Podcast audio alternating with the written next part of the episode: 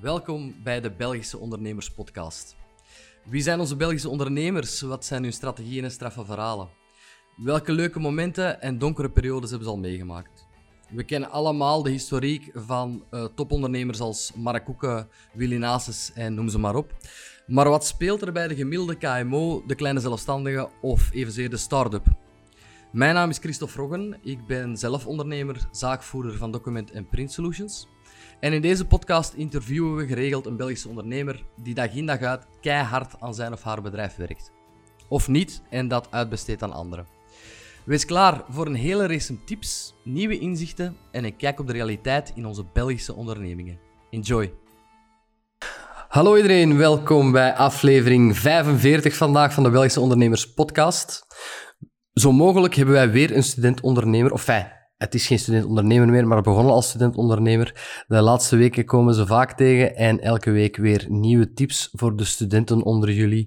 En nieuwe tips voor de doorgewinterde ondernemers. Want Stan de Pauw, die vandaag onze gast is van het bedrijf Dexter, is 27 jaar. En die komt hier even vertellen wat de valkuilen zijn in het ondernemen. En wat de valkuilen zijn voor student-ondernemers. En vooral wat de leuke dingen zijn aan ondernemen. Stan, welkom in onze podcast.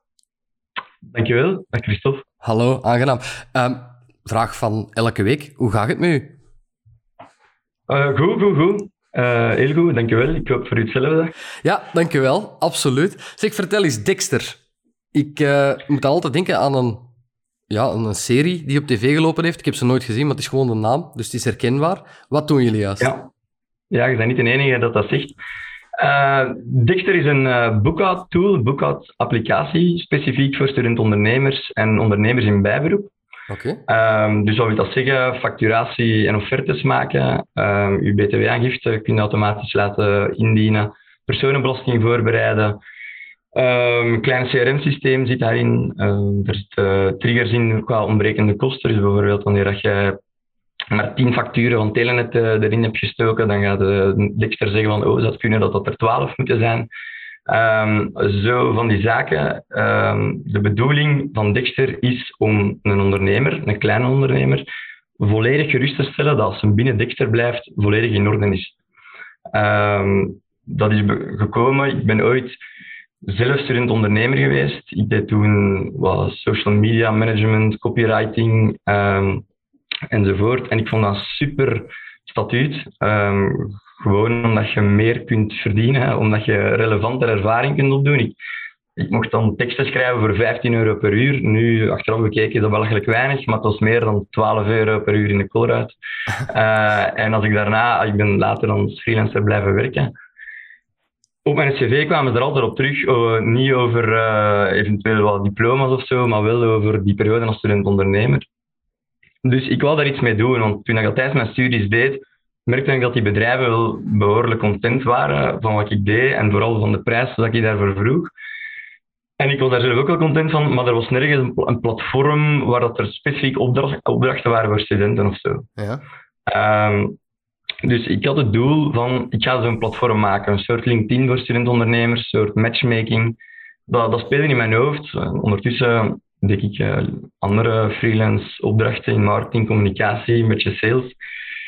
En op een gegeven moment op een evenement op uh, Take-Off Antwerpen, die zit voor student-ondernemers, ik was zelf net geen student meer, um, kom ik de Robbe tegen. Robbe die stond daar met een stand en die maakte met bevriende studenten IT, websites en webshops voor, uh, voor KMO's. Dus die deed eigenlijk een beetje aansluitend wat dat ik deed, maar ik deed dan teksten schrijven, social media weer. En ondertussen maakte ik ook met een andere kameraad van mij bedrijfsvideo's.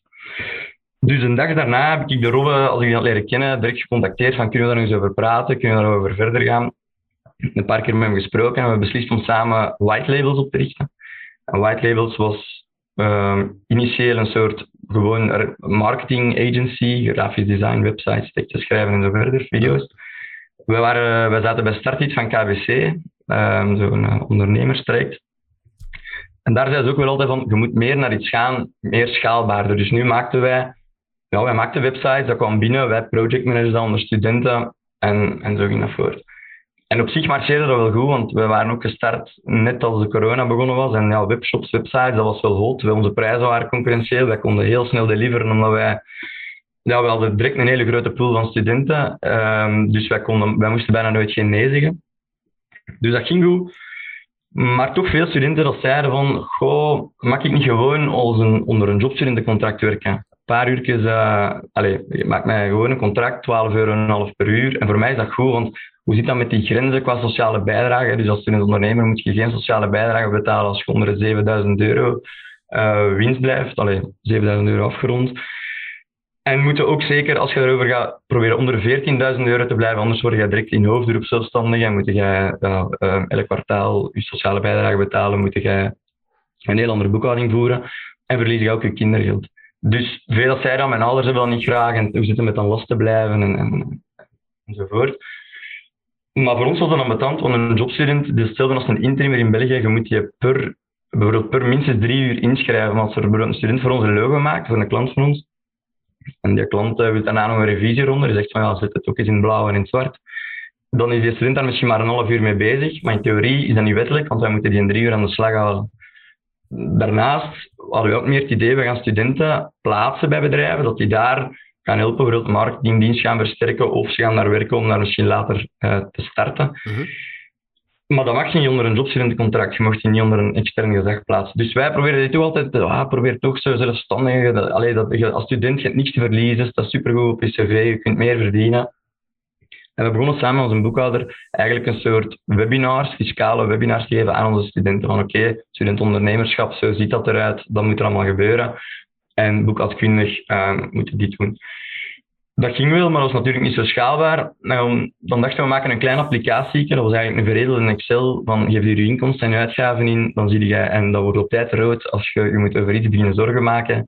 En uh, voilà, dat zit.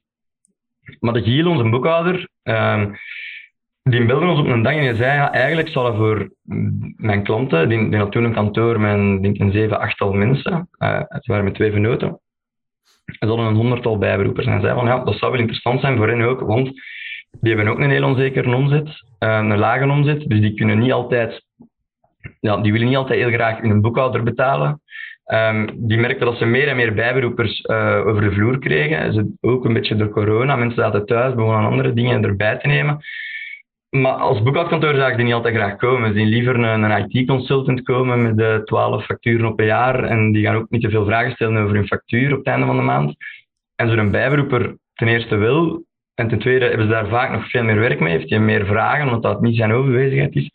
En die challenge wel vaker dat ereloon. Dus de Giel wou een applicatie laten maken door ons, dat die zelf hun boekhouding konden voeren, maar dat de Giel die wel één keer per jaar, of misschien per kwartaal, afhankelijk van de klant, gewoon een half uur, een uur mee kan bellen om echt advies te geven, te kijken, moet je misschien naar vennootschap gaan, pensioen sparen, juridisch of verzekering wel advies geven, maar dat hij het pure boeken zelf kan doen.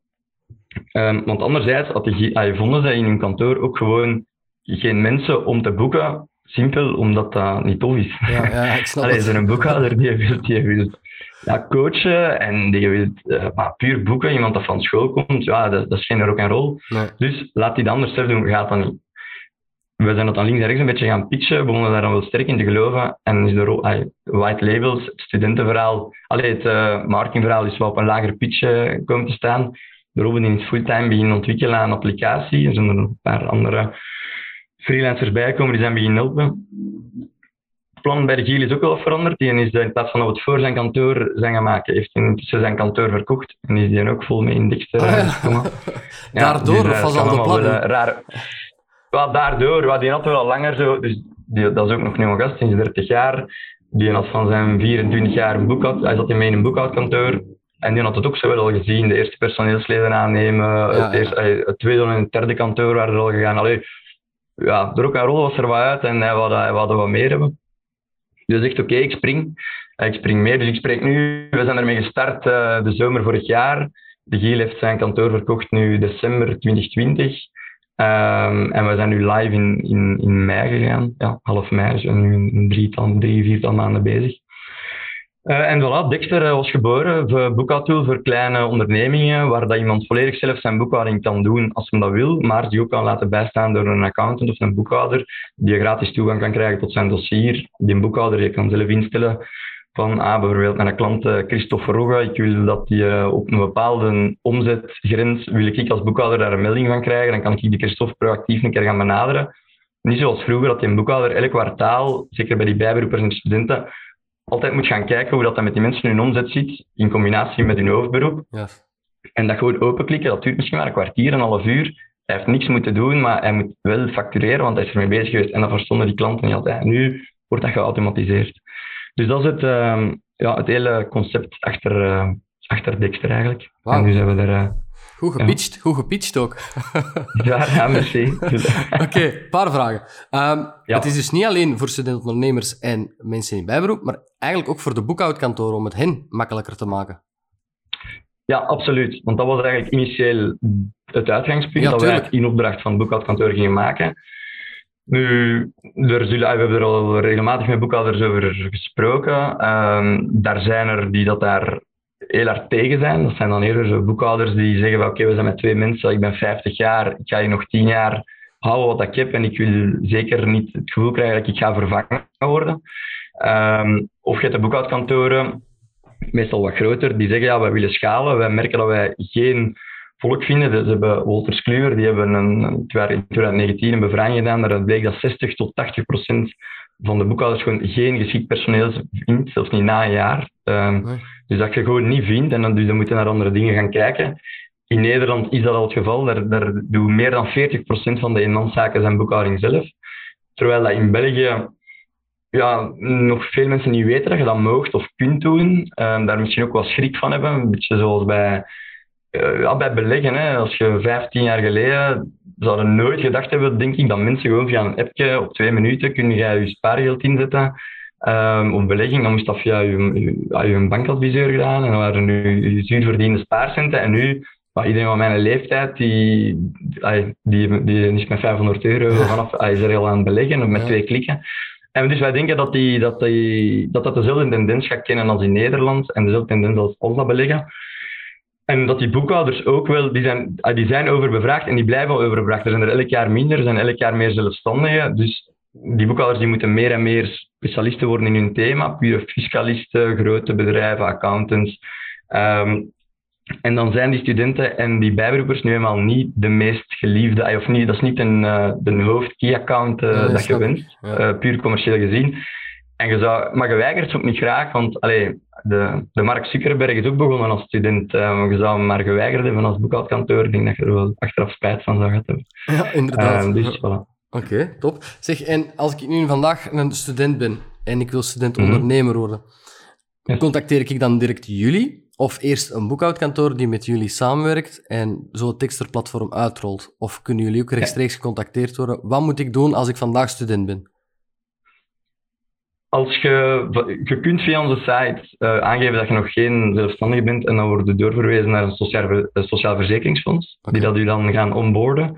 Um, wat, wat, dat veel mensen niet weten, is dat je dat niet via een boekhouder moet doen. Je kunt gewoon zelf naar een Acerta, een Xerius, uh, Lianti stappen en, en, en je, je ondernemingsnummer aanvragen. Dat gaat u al aardig wat geld... We spreken ook over eenmanszaken en geen natuurlijk, tuurlijk. Dus dat gaat u al, al, al veel geld besparen.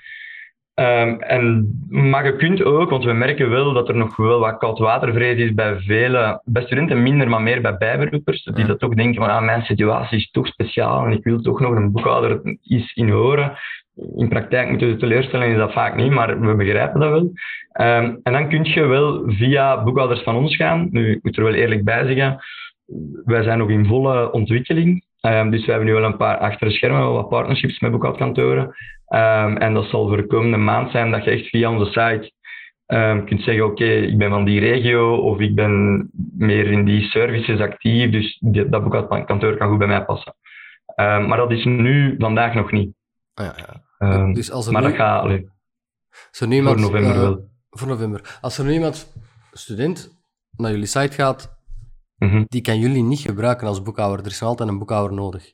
Probeer het nee, jawel, juist die te kan dat wel, die kan Ah, dat toch wel. Ja. Nee, nee, die kan dat wel. Hè. Ja, ja. Ja. Die heeft geen boekhouder nodig, maar die kan binnenkort via ons een boekhouder ook krijgen als hij dat wil. Maar die kan perfect een account maken. Um, hij wordt eerst uitgelegd hoe hij zijn ondernemingsnummer aanraakt als hij wil en gebruikt zijn account. En wat dat voor ons heel belangrijk is, als ik student was, had ik schrik van, goh, ik, wat, je weet niet aan wat dat je moet denken als je geen boekhouder hebt. Dus, dus je denkt, dat misschien binnen drie jaar komt er nog eens een brief van financiën en over wat, wat moet ik allemaal doen. Opeens moest ik een maat van mij als boekhouder gestuurd, die zei, ja, je moet een klantenlisting indienen. Zo, hoe moet ik dat nu weten? Ehm, dus zij willen de mensen geruststellen, dit, dit is Dexter. Er staat ook een, tijdlijn op met de deadlines die dat je moet halen. Um, alle soorten, mogelijke soorten. Dit is Dexter. En je mag gerust zijn, als je dat volgt, dan zijn ze volledig in orde. Top. Um, zeg maar. Een voorbeeld kan daar ook van zijn als ik Allee, ik wist echt niks van boekhouden, nog altijd niet zo heel veel, eerlijk gezegd. maar je, opeens hoorde je, ja, je moet een factuur maken met een factuurdatum, maar ik wist niet factuurdatum, is dat die van vandaag, of wanneer dat ik het gaan doen ben, of wanneer dat ik wil dat betaald wordt. Also, alles wordt er, als je dat wilt, in uitgelegd. Elk, elk stom woord staat een icoon bij met, met uitleg over, zodat je echt zelf een beetje notie krijgt van het vak boekhouden, wat dat eigenlijk helemaal niet zo complex is voor uh, eh, 90% van de dossiers, vanaf dat je een benootschap, alleen van de eenmanszaken. Dus dat is uh, ja, ons uitgangspunt. Knap. Zonder, zonder daar concurrentie te willen doen aan de boekhouders, wat ik nu ga zeggen, mhm. dat is een gat in de markt volgens mij. Want hoeveel zijn er niet die tegenwoordig in bijberoep, ik heb dat los, even los van de studenten, maar de gewone uh, mensen die dag in dag uit gaan werken, die ook een bijberoep willen, een tupperware, een, een upper, kies maar. Um, die echt niet weten naar waar ze moeten, wat ze moeten doen. Daar is eigenlijk na de upper derma maar daar is eigenlijk het gat opgevuld. Sorry. daar is eigenlijk het gat nu opgevuld met de online kennis en kennis die klaar staat voor hen. Gewoon op wat knopjes duwen, met alle respect. En er wordt gewoon uitgelegd wat ze moeten doen, wanneer ze het moeten doen om in orde te zijn. Uh, ja, klopt. Fantastisch. En het kan ook veel, uh, ja, veel verder gevorderde hobby's misschien een beetje naar het zwart werk halen, zoals DJ's of fotografen. Of, uh, ja, nu, nu, nu, niet binnen dromen, hè? dat is mooi, dat is mooi om te pitchen. Ja, ja we, hopen, we hopen dat toch. We hopen dat toch. Omdat je anders een boekhouder, ja, in bijberoep, dan zit je tussen de 50 en 100 euro per maand. Ja, er zijn niet veel bijberoepers die dan meer dan 500 euro per maand verdienen. Dus als je dat er al moet aan beginnen geven, ja, dat... Uh... Oh, dat brengt mij fantastisch naar mijn volgende vraag. Is dat een abonnementsformule of zo? En, en mag je daar, is dat een standaardprijs of is dat per persoon afhankelijk? nee, de standaard betaalt je 15 euro per maand als je direct voor een heel jaar betaalt. Anders is het 20 euro. Oh, kijk, we um, moeten weer al voor een jaar tekenen. Nee, nee, ik begrijp het wel, uiteraard, uiteraard. Dus 15 euro per maand als je voor een jaar tekent. Ten opzichte van 50 tot 100. Uh, ja, om te zeggen, vroeger mijn, mijn vader, die in zijn personenbelasting ook via onze boekhouder, en die vroeg daar dan 50 euro voor, dat was dan de Giel, nu mijn vernoot, toen uh, er klant bij. Uh, maar nu, uw personenbelasting is al gewoon gedaan door Dexter, dus allee, als je drie maanden Dexter neemt, is al goedkoper af dan allee, één keer naar een boekhouder. Fantastisch. Je bent een paar maanden bezig. Hoe mhm. loopt het? Goed eigenlijk. Um, om te zeggen, de reacties zijn super positief. Uh, dat mag ik wel is gemakkelijk. Ja, Je kunt dat hier toch niet controleren. Nee, nee, maar ik snap het. ja. Ik kan dat straks wel. Nee, nee, maar ik snap het. Ik snap dat dat goed loopt. Ik begrijp het. Ja. Ja. Um, we hebben nu 275 mensen erop zitten. Dat is nog niet zo heel veel. Ah, dat is te weinig. Uh, ons bereik is gewoon nog te klein. Dus we hopen met podcasts als deze daar iets aan te doen. Um, uh, we zijn wel verschillende marketingacties aan het doen. En vooral partnerships aan het opzetten met boekhoudkantoren, maar ook voor studenten met nu bijna alle hogescholen en universiteiten in Vlaanderen, dat dat binnenkort allemaal wordt uitgerold. Uh, dat is allemaal nu augustus, september geweest. Um, en op die manier hopen wij heel snel, uh, snel te kunnen groeien. Als er, uh, er zijn in België nu 9000 student-ondernemers. Dat, dat is uh, op twee jaar tijd maal drie gegaan. Dus dat, dat gaat heel hard. Dat zijn ook altijd andere mensen, want je zit dan maar twee jaar of zo. Want ja, hoe lang zijn student? Um, wij willen er wel voor gaan dat al die studenten op, op den duur langs Dexter gaan, uh, gaan passeren. Dus dat is ons uitgangspunt. Bij die bijberoepers is dat iets anders, omdat die markt... Ja, dat zijn ook andere profielen van mensen, misschien al iets ouder, of die zitten al vaak bij boekhouders. Wat dat voor de goede orde dus geen probleem kan zijn. Nee, Want allee, wij geloven heel erg in de samenwerking. Maar daar zijn er, 200, er zijn 291.000 bijberoepers. Dat is één op de vier zelfstandigen in, in, in België. En daar is eigenlijk niks voor, daar, daar wordt niks voor gedaan. Daar, daar bestaan geen aparte verzekeringen voor, daar bestaan geen boekhoudpakketten voor, daar bestaan geen juridisch advies op maat voor. Dus zouden we ook willen. We zijn nu trouwens ook aan het kijken, we, we staan met een bank om echt verzekeringen aan te bieden specifiek voor die doelgroepen, omdat het heeft geen zin dat een student-ondernemer dezelfde beroepelijke aansprakelijkheidsverzekering moet nemen dan, dan iemand anders. Dus dat zijn zo doelgroepen die wat vergeten worden, maar wel één op vier van de zelfstandigen in, in België zijn. Uh, daarom dat wij ook zo voor die niches gaan, waar de anderen dat niet doen, ehm, vinden wij die doelgroep toch groot genoeg. Ja, dat begrijp ik. Dat is ook gewoon omdat daar niks voor is, punt. Dus je hebt het gat in Ja. de markt, zoals ik al zei, gevuld. Ehm, ik kan u dat even gewoon aan de podcast vragen, maar we zijn nu toch aan het praten. Ken jij eh, Finplex al? Glenn van Finplex? Eh, ik moet zeggen, met, zonder zever, ik heb hem leren kennen via uw podcast. Eh, want een tijdje geleden zat die erin. Ehm, dus ja, ik ken ze. Oké, dat is niet voorbereid trouwens, ik nee, nee. nee, nee. Ja? Eh, maar ik heb, ik heb nog niet mee geconnecteerd. ehm, maar dat is wel iets wat we van plan zijn. We zijn ook weer aan het wachten op onze bookout-view volledig op punt is. Dus eind oktober. Omdat ik dan denk dat wij wel... Allee, dat we toch minstens moeten kennis maken. Ja, ik ga jullie toch al in contact brengen. Je kunt maar al pitchen. Ehm, die brengen al die platformen die bestaan, eh, brengen Mhm. die ten berde voor iedereen, zodat ze via Finplex kom je eigenlijk te weten wat er allemaal op de markt is en wat het beste bij jouw noden aansluit. Op dit moment, Ja. bijberoepers, studentondernemers, daar sluit niks bij die noden aan. Of toch niet zo specifiek als bij jullie. Dat is ideaal om Mhm. even samen te zitten. Sorry voor dat intermezzo, maar ik ga jullie nadien wel eens in contact brengen. Dat kan wel heel interessant zijn. Eh, doe gerust. Zeker nu dat je je verkoopspraatje achter de rug hebt. Ah. Wat doe jij in het bedrijf? Sales neem ik aan. Eh, sales ehm, en partnerships opzetten. Dus eh, ja, de contacten met die hogescholen, met die zelfstandige organisaties en de banken en zo. Ehm, daarnaast ben ik ook verantwoordelijk voor de marketing. Dus dat wil dan ja, de, de social media beheren, partijen zoeken die onze SEO doen, die onze campagnes online doen. Ehm, ik werk zelf ook nog wel links en rechts wat freelance. Omdat wij ook gewoon nog af en toe een boterham moeten eten. En dat, uh, uh, Gina Robbe die zit er uh, volledig in. Ah ja. En Ehm, wat doe je dan als... dat ik dat ook wil. Sorry. Ehm, ik werk uh, ja, ook marketing consultancy uitvoerend voor een projectontwikkelaar en voor een, ja, een ander groot bedrijf ook. Ja, dus op, op dit moment zit jij er niet vol tijd in, maar dat is wel de bedoeling om Nee. de komende maanden daar, uh, daar mee in te stappen dan. Ja, hoe sneller, eh, hoe sneller, hoe liever. Het is nog een kwestie van, uh, van, van middelen. Ja, ja, ja. begrijpelijk als startende organisatie. Het kan heel Ja. snel gaan. Hè? Ehm, als jij terugkijkt naar... Jullie zijn nu een jaar bezig. Mhm. Wat was voor jullie, of voor u, het maakt al niet uit, de, de grootste pijler waar het... Nee, de grootste berg die je over moest. Ik had mijn vraag iets anders moeten stellen. Wat was voor jullie nu in dat jaar al iets waarvan je zei... Oeh, daar gaan we even op moeten doorbijten. Goh, ehm, ja, sowieso altijd financieel. Hè. We, hebben, we nu langer dan een jaar ontwikkeld. Dat, dat wil zeggen dat daar geen rechtstreeks inkomsten van zijn. Ehm, dat je toch ook niet weet, oké, nu weten wij wel die cijfers en onze pitch en zo, we, we zijn er wel meer vertrouwen in, maar toen was dat eigenlijk niet. Het enige wat wij wisten was, ah, er is een boekhouder met 100 bijberoepers die hem daar wel Ah. interesse in zou hebben. En wij zijn een bedrijf met een dertigtal student-ondernemers, die ook, maar dat was onze enige peiling. Of, of, allee, voor de rest wisten wij dat niet, totaal ook mijn wereld niet. En, en, en van Robin ook niet, hè, de, de IT'er dan. Uh, van Giel wel meer, maar ook hij. Um, dus, dus dat is toch lang onzeker geweest en lang dat ik persoonlijk het misschien niet zo helemaal geloofde van wat zal wel, we maken dat wel wat en we zullen wel zien waar we komen, maar allee, maar dan zijn we een keer kunnen gaan pitchen bij Acerta, Sociaal Verzekeringsfonds. Um, en die waren uh, zeer enthousiast. Nu, het is niet, we hebben daar voor de rest niet echt iets mee te maken, maar ze gaan wel allee, promotie maken en zo voor onze applicatie.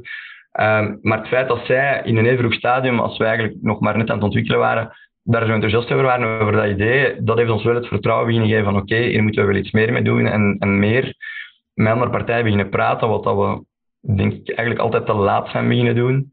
Um, dat is zoiets wat ik nog wel hoor. Omdat je denkt van ja, we, we hebben eigenlijk nog niks en we, we, eigenlijk is het allemaal nog niet zo goed. En, en zelfs nu, ja, ja, ik vind het supergoed, maar we willen het nog zoveel beter maken, hoe dieper dat je erin duikt. Ja. Dus vooral dat vertrouwen krijgen van oké, okay, het is iets, we zijn hier echt wel met iets bezig. En allee, er zijn ook vanaf dat mensen dat beginnen gebruiken, daarvoor beginnen betalen. Dat is, uh, allee, dat is kicken. Dat is ja, dat snap ik. Dat is belangrijk. Omdat je gelooft dat eigenlijk niet totdat dat gebeurt. Je denkt, oh, we zien wel. Ja. Zijn jullie, hebben jullie investeerders of, of zijn jullie van plan ooit om te schalen investeerders aan te trekken? We hebben we zijn daar even mee bezig geweest, uh, met dat eens te bekijken en te onderzoeken. Ehm, daar was ook wel wat interesse van paar partijen, gewoon uit, eigenlijk uit ons eigen netwerk en, via via. Maar ja, we hadden geen idee wat dat we waard zijn en eigenlijk nog altijd niet. En dan werd ons ook wel een beetje afgeraden van dat nu al te doen. Dus nou, probeer misschien eerst eens een jaar op je tanden te bijten en, en, effectief te zien wat dat je waard bent. Dat is voor beide partijen uh, interessant, zowel voor een investeerder als voor zelf. En je gaat ook beter weten wat voor een profiel dat je misschien nodig hebt. En dat is nu ook wel zo. Tegenover nu, vier maanden geleden, ja, weten toch wel meer van oké, wat komen we zelf tekort, welke, uh, allez, ja, wie zouden we er graag in hebben. Tuurlijk. Um, dus we hebben nu een, zo'n starterslening van uh, PMVZ. Ik weet niet of dat iets zegt, iets, ja, iets van de overheid. Dus daar hebben we daar nu een lening lopen om ons, uh, ja, om ons te financieren nu in onze eerste fase. Ja. Je zegt, ze hebben ons dat afgeraden om ermee te starten. Wie, wie raadt u dat af? Hebben jullie mensen rondom jullie die jullie coachen, die waar je terecht kan als je vragen hebt waar je vandaag zelf eigenlijk nog geen kennis van hebt? Um, ja, er ermee bezig zijn en over te praten. Wel zo wat mensen die ook wel in de start-up wereld zitten. Um, ik heb ook, voordat ik dit deed, was ik uh, zo community manager en business development uh, manager, klinkt al iets te straf, maar van een coworking space in Antwerpen. En daar zaten ook al andere start-ups. En ja, dan, dus ik had daar dan zo wel een paar contacten waar we een keer konden van, uh, bij vragen van oké, hoe hebben jullie dat gedaan, in welke fase en, en zo meer. En daar kwam een paar keer terug dat zeiden van ja, probeer eigenlijk in het begin vooral te lenen en, en kijk, dan, allez, kijk dan daarna terug. Um, of dat je funding al dan niet kunt gebruiken. Het is ook, allee, funding op zich wordt nogal sterk gehyped, vinden, we, vinden wij. En werd ons ook wel verteld van je moet, je moet daar nu voor gaan en doen en snel en schalen en meer ik weet niet dat wij daar zo volledig in die file, dat is misschien niet sexy om te zeggen, maar dat is niet helemaal hoe dat wij het zien. We hebben ook niet de missie van de wereld te veroveren, omdat wij, allee, de, de boekhouding in België is heel complex. Dat heeft als voordeel dat er niet snel een groot internationaal bedrijf zich op België zal richten, omdat wij ook zo complex in elkaar zitten, ook met de talen er nog eens bij. Dan zullen die wel andere landen kiezen. Um, en wij denken dat potentieel in België um, groot genoeg is om dat hier echt maximaal te goed te doen in de drie landstalen. En um, ja, voilà. Dus, dus Goeie antwoord. wij, wij, denken nogal uh, lokaal. Goeie antwoord. Nee, nee, goeie antwoord. Echt waar. Je moet niet te snel willen gaan, ook niet. Dat is, uh, dat is nooit niet nodig. Moet snel gaan, maar natuurlijk, zoals je zelf aangeeft, laat het op een rustig tempo ontplooien en dat gaat vanzelf wel de nodige tractie krijgen. En dan kan je investeerders dan sta je eigenlijk sterker in de schoenen als er investeerders komen. En ja, we weten allemaal dat dat, kan evolueren. Uh, als ondernemer, hè, want dat, je bent fulltime ondernemer, hè? hoe ben je eigenlijk gestart? Uh, ja, hoe ben ik gestart?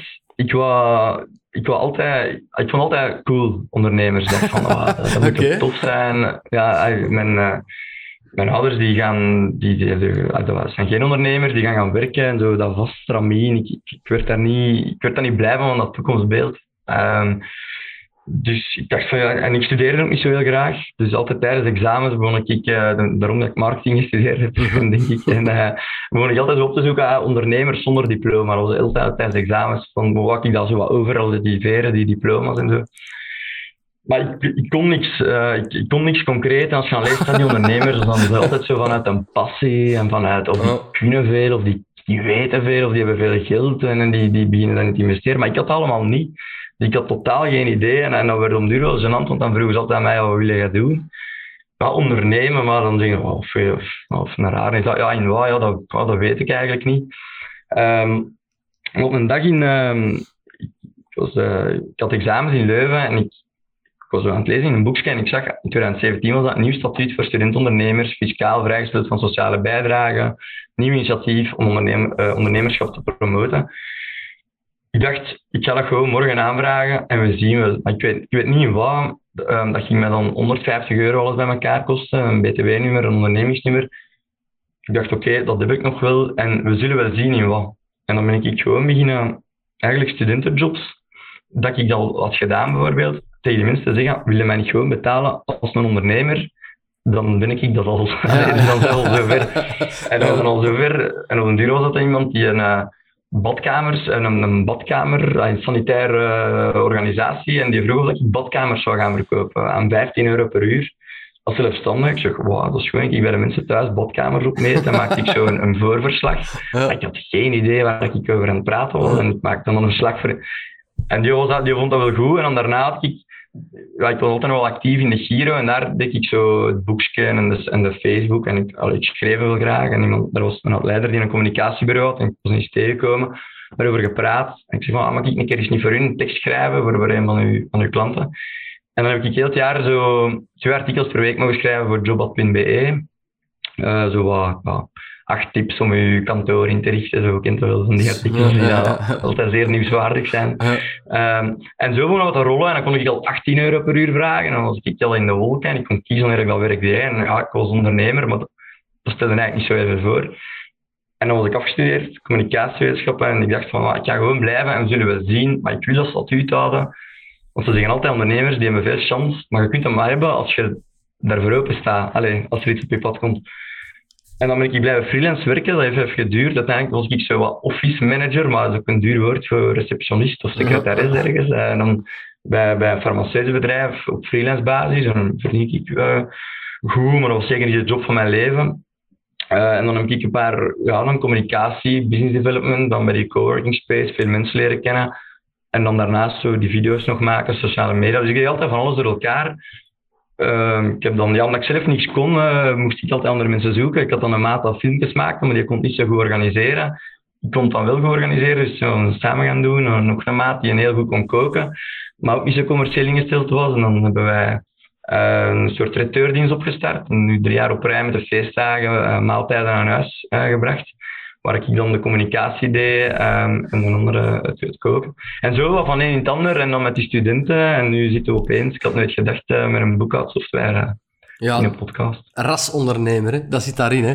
Je zegt het zelf, je moet, ze zeggen dat is chance, maar je moet dat ook wel afdwingen. Uh, onlangs was er een interview met Geert Verhulsting dan de andere kant uit. Dus dat is gewoon hard werken. Maar laat ons, laat ja. ons de conclusie nemen dat gewoon inderdaad ervoor openstaan is en ervan uitgaan, een nee hebt en een ja kunnen krijgen. Daar komt het eigenlijk op neer. Hè? Ja, ja en, en niet te veel schrik, schrik hebben als uw, ma, als, uw, als moeder zegt van oeh, je moet ook zien dat je voor je pensioen en ze hadden niet gezien voor ambtenaar door of, of leraar. Of, ja, laat ons even proberen. Ik dacht van, ik ga tot mijn dertig wat proberen. Ik, heb, allee, ik ben niet getrouwd, ik moet nog geen huis opbetalen, ik heb geen kinderen, dus weinig verantwoording af te leggen. Ik zou spijt hebben, moest ik niet, allee, moest het niet mislukt zijn. Moest, allee, ik wil het gewoon proberen hebben en voilà. Voorlopig gaat dat nog de goede kant uit. Leuk enthousiasme. Hoe ziet uw dag er zo uit als ondernemer? Ik weet wel dat je verschillende zaken doet, maar om wat uur stel je gemiddeld op? Wat doe je overdag? Om, om wat uur stopte met, met werken? Kun je daar een, een soort van uh, standaard? Ja, dat is, eh, dat, is, dat is zeker niet standaard. Um, ik sta meestal op, um, er zullen kameraden van mij nu al aan het lachen zijn, maar meestal zeg ik rond 8 uur op, maar dat kan ook wel een keer wat later zijn. En dan werk ik redelijk standaard vanaf 9 uur. Ik heb ik heb zo één dag in de week dat ik dan pak om zo een keer echt door te werken. En dat ik zeg van, ik ga een keer tot 10, 11, 12 uur doorwerken om al het stomme werk dat ik al de hele week heb uitgesteld dan te bundelen. Dat heb ik nu zo een beetje geleerd. Um, voor de rest ga ik uh, twee keer in de week s'avonds basken en zo, dus dan stop ik altijd om, uh, om 8 uur. Maar dat kan ook zijn dat ik smiddags een keer 2 uur uh, niks doe. Dus dat is zeker niet dat ik dag en nacht zit te werken. Ik kan werken wanneer ik zin heb. Ja. Um, en met een beetje zelfdiscipline, wat je ook wel moet leren. Uh, allee, gaat dat wel? Nu sinds kort wij een bureau en is dat wel makkelijker om daar wat structuur in te krijgen. We werken ook met drie samen. En, maar mijn dag is dus, dat ziet er, uh, dat is eigenlijk nooit hetzelfde. Uh, of ik kan zeggen, ik ga een vrijdagnamiddag niks en dan ga ik wel een ganse zaterdag werken. Maar dan, ja, ik probeer ook uh, buiten het ondernemen nog wel van alles mee te pikken. En ja, dus, ja, dat is wat het leuk maakt. Hè? Dat is exact wat het leuk maakt, dat je kunt kiezen wanneer je werkt. Dat je niet kapot werkt. Um, Absoluut. En dat je, ja, je moet beseffen, als je om één uur naar het VTM-nieuws ziet in je zetel, dat de kans heel groot is dat je er niet meer uitgeraakt. nee, nee, nee. Vooral van je zetel en je bed wegblijven. Vroeger ja, ik altijd in de zetel werken, maar beter op een stoel, uh, ver van weg. Ik ben ja. er ook mee gestopt. Als ik een dag thuis werk ja. en ik zit na, na het eten even in de zetel naar het nieuws te zien met de laptop op de schoot, dan is de kans heel klein dat mensen mij nog kunnen bereiken. ja, dat is het. Ja, dat is omdat we moe zijn van het werken, Stan. Dat is, dat is daar. Ja, ja absoluut. absoluut. Uh, gebasket, zei je? Ja, ja, klopt. Ja, en dat is puur ontspanning. Doe daarnaast nog iets als, als sport of uh, lezen, of lezen of iets. Wat doe jij om te ontspannen? Naast basket misschien nog? Ja, ehm, ik, uh, vooral ben ik nog bezig met mijn sociaal leven. Dus zeggen, ik ga wel een keer graag iets gaan drinken. Of, uh, wacht, wacht, wacht, wacht, wacht, wacht, wacht, wacht, wacht. Je gaat een keer graag iets drinken. Geef een aantal kernwoorden die u zelf omschrijven. Feestvierder. dat is niet gewoon iets ja, van Nee, ja, nee het, uh, ik, kan nog, ik kan nog wel enthousiast zijn wanneer dat er Terecht. feestelijkheden bezig zijn. Uw maten dus gaan weer lachen. ja, waarschijnlijk. nee, oké, ik snap het wel. Um, dus daar ben ik, ik, uh, ik, ik, ik, woon ook samen met twee kameraden in een co-housing. Um, dus ik ben altijd wel omringd door, uh, door mensen en met dingen bezig. Voor een basket werk ik ook een beetje uh, in, de, in de, de, jeugdcoördinatie. Dus allee, ik doe daar ook een beetje mee de organisatie van, van een aantal dingen. Tof. Um, ja, dat, dat, zal, dat zal het grootste deel zijn eigenlijk van de spanning. Ja. De Giro vroeger, maar daar ben ik nu niet meer in. Was dat ook ja. zeer actief in trainingsgedoe en een pintje drinken. Zoiets, daar, kan ik, eh, daar teken ik voor. Ja, terecht. terecht. En studeer je nu nog bij? Zijn er bepaalde... dat ehm, kan zijn door boeken te lezen of zo, hè? Ja, ik zou willen zeggen dat ik uh, elke week een boek lees, maar dat is dus niet het geval. um, nee, ik heb een paar boeken dat ik dan zo proberen te lezen, maar ik, ik, ik, slaag er niet in om, om, allez, om dat structureel te doen. Uh, kameraden van mij die hebben echt een boekenclub. Dus die lezen elke maand samen een boek, die bespreken die om de beurt kiezen in een boek met een etentje bij. En, uh, dus, uh, maar ik ben daar dus geen onderdeel van. Wauw. dat is de enigste avond met kameraden dat ik mis in de maand. Gaat dat gewoon vanaf dat etentje? ja, nee, maar nee, ze willen daar al eens serieus mensen. Ah ja. Oké. Um, dus ja, leer ik bij, ja, ongetwijfeld. Ik, ik, ik lees wel superveel. Nu zo Bluey vind ik wel interessant. Podcasts heb ik, allee, ik bijna allemaal geluisterd uh, die nou over ondernemen gaan of marketing. Of, of, of dus op een manier zal ik wel bijleren natuurlijk. Absoluut. En, um, een hele goede podcast is een, ook een Nederlandse SaaS-bazen. Dat gaat specifiek over, uh, over software as a service en over uh, techbedrijven, hoe dat je dat moet. Uh, dus echt ook super interessant. Um, dus dat doe ik veel. En sinds de lockdown is dat dan zo wat wandelen met woordjes in en een uur naar zo'n podcast luisteren. En dan denk je van, oh, ik heb misschien ook nog wat gewerkt eigenlijk. Dat ik hem niet gewoon. Um, ik, ehm, ik, vind dat wel. Als je naar een podcast luistert, leert er altijd iets bij. Dat is ook een manier van studeren. Ja, absoluut, absoluut. Alleen ik weet niet of dat voor de luisteraars van vandaag het geval gaat zijn. Waarschijnlijk niet, maar ja, ze hebben toch geprobeerd. ja, die zal zijn. nee, nee, zeker wel. zeker wel. Maar en, en seminars en zo, allee, er is zoveel, op, je kunt op zoveel manieren bijleren, dat hoeft niet in een boek te lezen zijn natuurlijk. Uh, nee, dat is, dat is, dat is. Um, en ook nu terug wat evenementen die... Want Finplex hebben een evenement gedaan deze week, daar ben ik naartoe geweest. Vorige week uh, ben ik aan een evenement geweest, volgende week is de dag van de freelancer, dat ik daar naartoe ga. Dus zo van die dingen, ja, dan zijn er wat sprekers van mensen leren kennen. Dat uh, vind ik wel tof. Dat is ook Belangrijk. En toch, ja. Dat is werken. Als je dat thuis zou zeggen, dat is Maar uh, dan, dan ook netwerken en zo. Effectief. Hebben we bepaalde netwerk? Uh, ja, ik heb tijdens de lockdown veel contacten kunnen leggen via de app Conversation Starter. Ik weet niet of je dat kent. Nee, dat, is, dat is eigenlijk een online netwerk tool die een, ehm, je maakt eigenlijk een, een kleine bio. Dus je zegt van, ik ben Christophe Rogge, ik doe in, eh, ik denk in printers. Um, ja. Je maakt uh, één offer. Je zegt van, ik zou graag mensen helpen met de organisatie van hun documentenbeheer. En ik heb één vraag, bijvoorbeeld, uh, ik zoek iemand die mij kan helpen met mijn, uh, met mijn marketing of, die, of ik zoek iemand die mij daar kan introduceren. En ja, de algoritme gaat dan mensen eigenlijk matchen. En je kunt dan je agenda openstellen op een bepaalde dag. Allee, tijdens dat event, dat online event. En zo kun je mensen leren kennen in meetings van ja, acht, ik denk acht minuten. Dus, eh, dus je hebt acht minuten dat je eigenlijk speed date, dat je elkaar leert kennen. Je zegt van, ah ja, oké, je hebt me uitgenodigd voor de, het helpen met marketing. Je praat er acht minuten over, je wisselt gegevens uit, ook via Conversation Starter. En ik heb echt al veel meetings uit mensen contacten uitgehad, ook een paar. Uh, we hebben nu drie studenten, want White Label bestaat eigenlijk nog. We hebben drie studenten die consulting doen bij, bij OVAM, maar ook via daar iemand te leren kennen. En zo, allee, super efficiënt. Tegen, soms op zo'n netwerkevent, je staat er zo wat tegen de muur en je denkt van ja, wie gaat er hier nu interessant zijn voor mij? En anders weet al op voorhand, ah, die zitten in dezelfde business, die, die zijn met dezelfde dingen bezig. Um, en dat is eigenlijk een tool die gebruikt wordt door andere netwerkorganisaties, zoals VOCA of. Um, het is ah, super interessant. Um, Nog nooit van gehoord. Conversation Starter. Ja, moet eens, uh, zeker eens opzoeken. Ja, absoluut. Ik ze toevallig via de coworking waar ik ook in gewerkt heb, waar zij ook uh, zij zaten daar.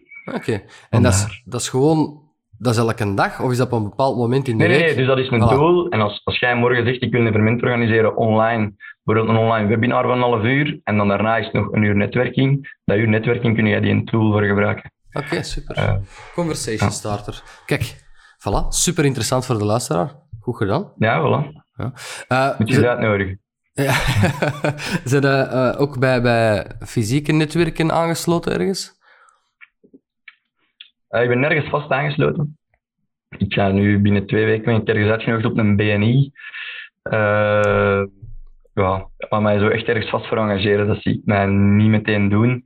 Ik heb vroeger zo wat open koffies ook gedaan. Ja. Zo, ja, ik, ik, doe dat wel, maar uh, het is niet altijd zo comfortabel. Allee, je moet toch uh, recht voor in je schoenen staan. Ken je het BNI-concept?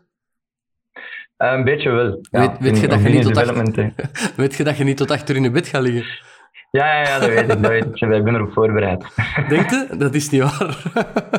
ja, dat is vroeg. Ja, ik heb dat eens gedaan. Ik heb dat eens gedaan maar het is inderdaad uh, het is pittig. Ja. Dan is het, uh, ik heb het vier jaar gedaan en ik kan u wel vertellen. Ah, ja, ja, ja. En als.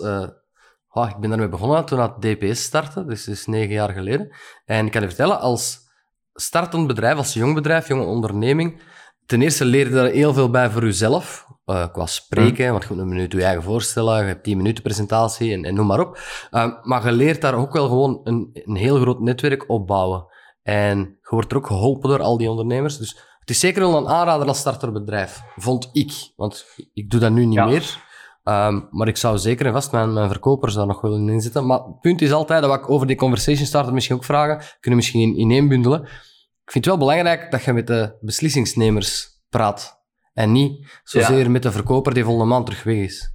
Is dat, dat snap ik. Is dat in Conversation Starter ook het geval? Ja, je weet daar op voorhand met wie dat je gaat praten. Hè? Dus oh. je kunt jij perfect zeggen, ik heb daar geen goesting in. En dat is ook, uh, dus je kunt, allez, dat is wel okay. gemakkelijker dat je op een uh, offline event is dat iets gemakkelijker, moeilijker om, uh, om daar vanaf te geraken. We moeten gewoon heel eerlijk zijn. ja, dat kan.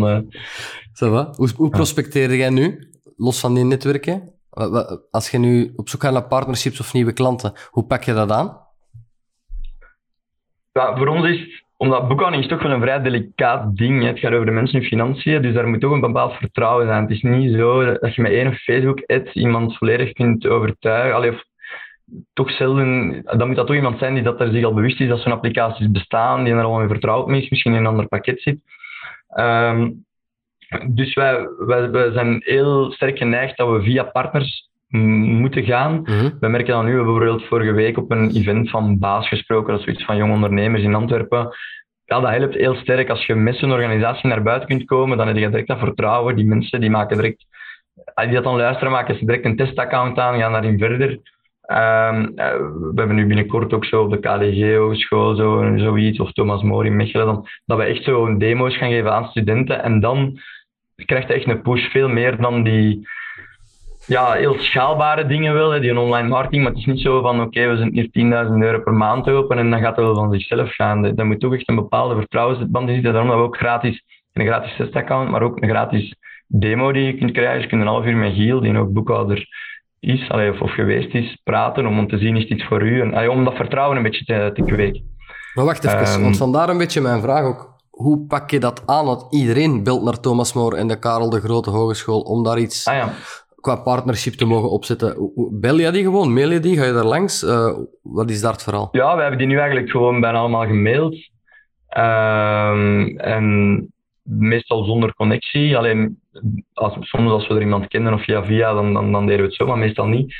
En die waren eigenlijk allemaal heel enthousiast, omdat ja, die onderwijsinstellingen die hebben meer en meer zo van die ondernemershubs en, en, en zelfs fulltime coaches en docenten die daar echt volledig mee bezig zijn met die coach. Dat, was, dat is meer en meer, dat was ah. twee, drie jaar geleden niet. En die krijgen ook gewoon elke dag diezelfde vragen van oei, de factuurdatum, wat elke datum is dat en moet jij linksboven of rechtsonder staan? Ah. Of maakt dat niet uit wat het geval is. Dus die weten ook van oké, zo'n applicatie als Dixter, dat kan ons werk ook wel heel sterk verlichten als wij dat kunnen gaan promoten. En daar hebben we eigenlijk allee, in alle bescheidenheid mogen zeggen dat dat dus tot nu toe heel vlot gegaan is. We, we praten daarmee, geven een demo en die zijn eigenlijk altijd meteen uh, heel enthousiast. Um, maar ik zeg het, dat is ook nog pril. Hè. Die zijn meestal toegeweest in juli, augustus. Dus we hebben nu die demo's gegeven. Die samenwerkingen beginnen nu uit te rollen. Maar ja, eigenlijk toch gewoon uh, een, een, mail sturen. Um, en dat heeft tot nu toe wel vrij goed gewerkt. Top. Waar wil je staan binnen drie jaar? Nee, binnen vijf jaar. Je bent nog jong. Ja. Um, ja, dat is een goede vraag. Ja, zoals ik zei, alle studentondernemers moeten ons toch minstens kennen. En minstens weten dat de mogelijkheid er is. En ik zal er het grootste deel ook wel van op Dexter hebben. Ik denk dat er bij bijberoepers hetzelfde moet zijn, maar dan voor mensen die starten in bijberoep. Dus dat we die allemaal kunnen ergens uh, ja, vangen en uh, informeren over wat we doen. Um, daarnaast allee, zien wij ook wel de boekhouder als een hele belangrijke, belangrijke stakeholder. Dus ik hoop dat wij. Um, er is een bevraging geweest over uh, onze tool door een sociaal verzekeringsfonds. Daar was ongeveer uh, eh, 20% zegt van ja, het kan, kan ons eigenlijk niet echt schelen. 40% zegt wow, we zijn er tegen. Uh, en 40% zegt ja, we willen daar uh, direct mee starten met zoiets. Dus wij denken dat die 40% een groter, gro groter wordende groep is dan de, de jongere en de grotere kantoren. Um, dus we hopen al die boekhouders daar bereikt hebben en, en overtuigd hebben van, van wat wij doen. En als zij niet overtuigd zijn, dan moeten ze ons zeggen hoe dat we ons kunnen aanpassen. Ah, dat we elkaar kunnen helpen. Dus ja, dat is misschien een vaag antwoord. Maar, nee. Um, ja, ja, nee. Ik snap het wel. Maar ik weet het niet exact, omdat het is dan moeilijk om uh, binnen twee weken te weten waar we staan, uh, in alle eerlijkheid. Dat is met al die feestjes. Hè. Heb je uh, in je hoofd een getal van abonnees? Nee. Zoveel, zoveel accounts willen we hebben? Is daar een, is daar een, een state van gemaakt? Ja, we, we zouden nu... Nou, binnen, ik denk dat wij toch, toch ja, binnen vijf jaar toch tussen de vijf en de 10.000 klanten zouden moeten kunnen hebben. Uh, we hebben nu, ik denk dat 1000 klanten per jaar groei um, realistisch is. Dat is een heel mooie ambitie. Ja, zullen zien. Uh, nu staat het op band, dat is wel gevaarlijk. En wat dan? Uh, Als je die dan hebt, wat is dan de ambitie? Is het dan Goh, internationaal? Maar dat weet ik niet. Ja, Goh, in, nee, niet, in eerste instantie niet. Ik weet daar nu ook gewoon te weinig van. Ik ken de markten niet. Um, dus ik weet niet helemaal hoe wat er speelt in, in de buurtlanden en zo verder. Um, ik weet ook niet. Allee, ik doe dit super graag en super. Uh, ik heb nog nooit. Allee, oké, okay, ik, ik, ik, werk nu vier, drie jaar. Nog nooit niet met zoveel goesting gewerkt als nu. Ja. Maar ik, ga ook, ik ben ook nooit wakker geworden met een droom. Oh, ik zou een boekhoudapplicatie willen maken. Dat, is niet, uh, dat komt op je pad, dat is super tof. Um, maar ik zie me ook geen. Uh, ik wil vooral ondernemer blijven en niet te veel manager of zo worden. Dus, uh, het is niet, mijn, mijn, persoonlijke ambitie niet om een bedrijf met, met 500 mensen te leiden. Um, ook omdat ik dat denk ik niet goed kan. Um, dus laat het mij dan misschien meer in gang zetten. Vijf jaar vol een bak alle kansen benutten. En dan uh, naar een volgende stap gaan, eventueel veranderen of, of in een andere rol. Maar je hebt het, het standaard profiel van een paar mensen die succesvolle start-ups hebben. Um, waar ik al mee gesproken heb, ook in de podcast trouwens. Jullie zeggen eigenlijk allemaal ongeveer hetzelfde. Laat mij ondernemen, laat mij dat hier allemaal opbouwen en als het draait, laat mij mijn volgende project doen. Uh, ja, misschien wel. Het is gemakkelijker gezegd als gedaan, maar het is niet ik ben geen, ik ben geen um, bakker die gepassioneerd is door zuurdees en brood en daar, uh, allee, ja, ik ben wel gepassioneerd, maar ja. En ook direct zuurdees en brood, serieus. Ja, is dat geen ding? Ja, jawel, jawel. Alleen als geen, geen woord dat direct een berde komt. maar uh, mooi, mooi verwoord. Um, je weet wat zo wat de, de afrondende vraag ongeveer gaat zijn, omdat je naar de mhm. podcast af en toe luistert. En je gaat er ook over nagedacht hebben, dus ik ga ze niet stellen. Nee, is niet waar. Uh, welke tip wil je aan jezelf geven als je vandaag terug zou starten? En je mag kiezen uh, of je, als je vandaag terug zou starten met Dexter of als ondernemer. Nee, beantwoord ze alle twee maar.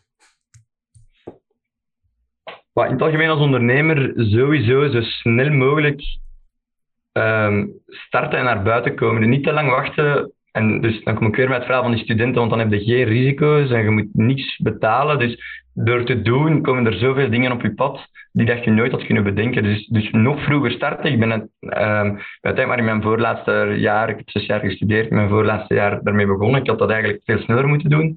En het is daardoor, ah, ik heb super veel chance met de mensen die ik ben tegengekomen, met Robin en Giel, co-founders, een boekhouder en een IT'er, die, dat is redelijk belangrijk als je een boekhoudsoftware maakt, dat je die twee mensen hebt. Je komt die alleen maar tegen door door van alles te doen, door naar evenementen te gaan, door, door die daarna, als je twijfelt, zou ik die nog eens aanspreken, ja, toch nog doen. Um, en ja, door alles te doen weten we ook van met welke mensen wil ik samenwerken, wat kan ik zelf goed, wat kan ik zelf niet goed, wat wil ik gewoon niet doen, dus wie heb ik daar wel voor nodig. Um, ja, dat is echt door, ja, door het te doen. En, en, dat, en dat heeft mij alles al geholpen. Zelfs de operateurdienstje dat we hebben, of die filmpjes dat we maakten, geleerd van oké, ja, wat, doe ik graag en wie heb ik daarvoor nodig. Dus ook, allee, super dankbaar dat ik de Robin en de Giele ben tegengekomen dat die mij er willen bijnemen. Um, dus dat is sowieso een tip in het algemeen. Van, ga ervoor en laat u niet... Want wij worden soms ook wel... Want jij vraagt me nu waar we gaan binnen vijf jaar staan en internationalisering. En soms worden we wel gechallenged. We hebben nu ook zoveel een paar mensen die ons aan coachen en die ons daar heel hard op bevragen. Maar ik heb soms zoiets van, ja, als je alles begint te overdenken, dan waren we misschien nooit niet aan begonnen. Als we moeten duizend redenen zoeken waarom dat je het niet zou doen, ah, laat het ons proberen. Nu zeker de fase van mijn leven dat ik ben, kan ik, ik nog eens een paar keer met mijn uh, kop tegen een muur lopen. En ja, uh, ga ervoor en wacht niet lang. Ik, ik zie ook mensen in mijn omgeving die super capabel zijn, maar die gewoon te veel verdienen op hun job en daar gewoon te goed zitten. En die zoiets van, ja, ik, kan deze niet maken van hier nu mee te gaan stoppen. Ja. Ik heb het geluk gehad van nooit te veel te verdienen. ja. Ik hoop dat dat uh, ja, dus op een, een ander moment wel zo gaat zijn. Durf en pak een lage betaalde job. Dat is eigenlijk een ja, dat je niet, ja, dat je niet afhankelijk wordt, maar effectief. Ja, klopt. Dat je daar, ja. Oké, okay, goede tips. Uh, dus ik denk dat dat mijn tip is. Ja, ja voilà. Dankjewel. Heb jij het gevoel dat je alles hebt kunnen vertellen wat je wou vertellen in de podcast? Zijn er zaken die ik heb overgeslagen waar je graag nog even uh, over had doorgepraat? Uh, ja, ik heb nog één ding. Normaal vraag ik altijd of dat ze mensen goed slapen. Uh, ja, ik durf niet, want je gaat altijd feesten. Ja, dan. ja, ik slaap helemaal niet zo goed. Okay. maar ik heb dus nog een coole start-up, een Moonbird. Dat moet je ook eens opzoeken. Moonbird? ja, dat is dat je nu handhoudt, een soort avocado eigenlijk. Uh, mijn poetsvrouw dacht dat het een dildo was, maar ik zweer dat het niet het geval is. En dat vibreert mee met je longen, dus je moet dat als ademhaling volgen. En daar kan ik eigenlijk wel beter van slapen. Dan, dan stopte met te denken aan, uh, oei, ik moet nog uh, die facturen maken of, of de afwas doen in ons kantoor. dus, Omdat je te bed trilt. Een, een, een, ja, zoiets, ja, zoiets. Een moonbird. Ja. Dat ga ik eens opzoeken. .be? Ja, dus echt of, ja, of .com zal het wel zijn. Oké, nog nooit van gehoord. Hoe kom je daarop? Um, ja, vrienden van vrienden die dat, dat, uh, dat daarmee gestart waren en die zeiden, we moeten eens proberen, ik heb gedaan en uh, voilà. En je bent zeker dat dat daar verdient, dat die je niet gewoon overal die moonbeurt laten aanprijzen en uiteindelijk ja, dat die kuisvrouw ergens wel gelijk had. dat hij dat kent. ja, dus ik weet niet in welke mate dat zij daar uh, vertrouwd mee is. Ja, ik zou het eens vragen. Um, maar oké, okay, ik, ik zoek het wel eens op. Want ik, uh, als het voilà. over goed slapen gaat, dan ben ik er uh, heel graag bij om daar opties en, en, tips voor te krijgen. En je slaapt ja, nu goed? checken. niet altijd, maar wel al, wel al beter gaan. Oké. Okay. Ja. Oké, okay, je ziet er ook uitgerust uit, maar in elk geval... Ja, ja, absoluut. Bedankt Stan voor het verhaal, voor uw enthousiasme in deze podcast. En ik kom direct bij u terug. Ik ga even afscheid nemen van de kijker en de luisteraar. Oké, okay, dankjewel. Merci. Voilà, iedereen uh, bedankt om te luisteren naar Stan de Pauw van Dexter. Ik hoop dat jullie het enthousiasme goed hebben laten uh, binnenkomen. En als er vragen of opmerkingen zijn, ik zet dus de gegevens van Stan zeker bij de teksten van uh, Spotify, iTunes, uh, Soundcloud, YouTube, noem maar op. Je kan ons ook vinden op Facebook, LinkedIn en Instagram onder Belgische Ondernemers. En je kan mailen naar info.belgische-ondernemers.be met tips of uh, opbouwende kritiek. Voilà, Stan. Denk, ja, ik vind het belangrijk dat dat opbouwend is, anders moet ik dat deleten. Stan, uh, dank je wel voor, voor uw bijdrage. Ik vond het heel fijn dat je erbij waart. Ik hoop dat je het zelf ook een beetje leuk vond, na al die keren luisteren, nu zelf eens meedoen. Ja, absoluut. Uh, merci dat ik, uh, dat ik mocht komen. Allee, komen, ja. Virtueel. Me, mocht langskomen. Met heel veel plezier. Ik hoop dat je ook naar uw aflevering gaat luisteren en mij gaat laten weten wat je er zelf van vond. En uh, opbouwend. Hè? Voilà, voilà, vooral opbouwend, ik juist zeggen. En iedereen, dank u wel om te luisteren en tot een volgende keer.